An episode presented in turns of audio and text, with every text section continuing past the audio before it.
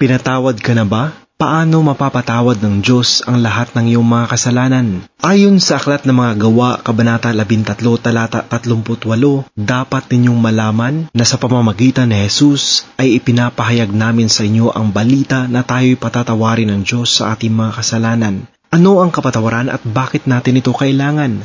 Ang salitang pagpapatawad ay naghahambing sa pagkalinis ng nakaraan Kapag nakagawa tayo ng kasalanan sa ating kapwa, humihingi tayo ng tawad upang manumbalik ang dating magandang relasyon. Ang kapatawaran ay ipinagkakaloob hindi dahil karapat dapat siyang patawarin, kundi dahil pagpapakita ito ng pag-ibig, awa at biyaya.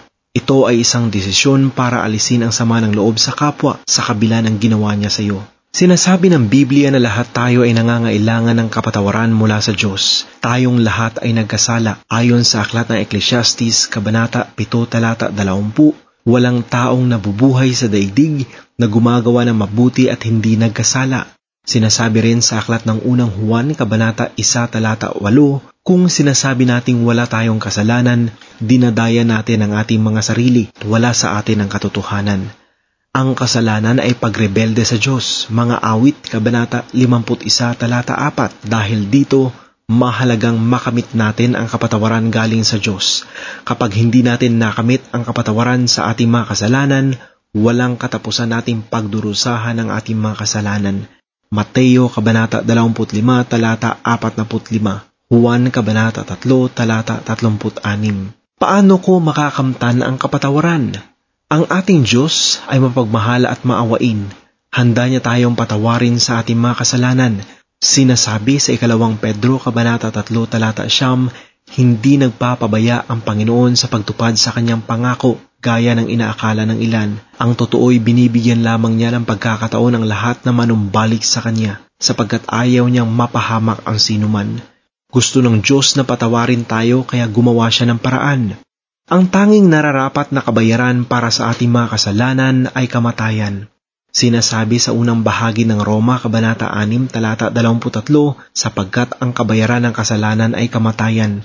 Walang hanggang kamatayan ang naging bunga ng ating mga kasalanan. Ayon sa plano ng Diyos, ang Diyos ay naging tao, si Yeso Kristo. Juan Kabanata 1, talata 1 at 14. Namatay si Jesus sa krus sapagkat binayaran niya ang parusa na nararapat para sa atin dahil sa ating mga kasalanan. Sinasabi sa ikalawang Korinto, Kabanata 5, Talata 21, Kailan may hindi nagkasala si Kristo, ngunit alang-alang sa atin ay itinuring siyang makasalanan upang maituring tayong matuwid ng Diyos sa pamamagitan niya. Ang kamatayan ni Jesus ang naging daan para mapatawad ang lahat ng kasalanan ng tao sa mundo Sinasabi sa unang Juan Kabanata 2 Talata 2, siya mismo ang ibinigay na handog para sa kapatawaran ng ating mga kasalanan at hindi lang ng ating mga kasalanan kundi pati na rin ng kasalanan ng buong mundo.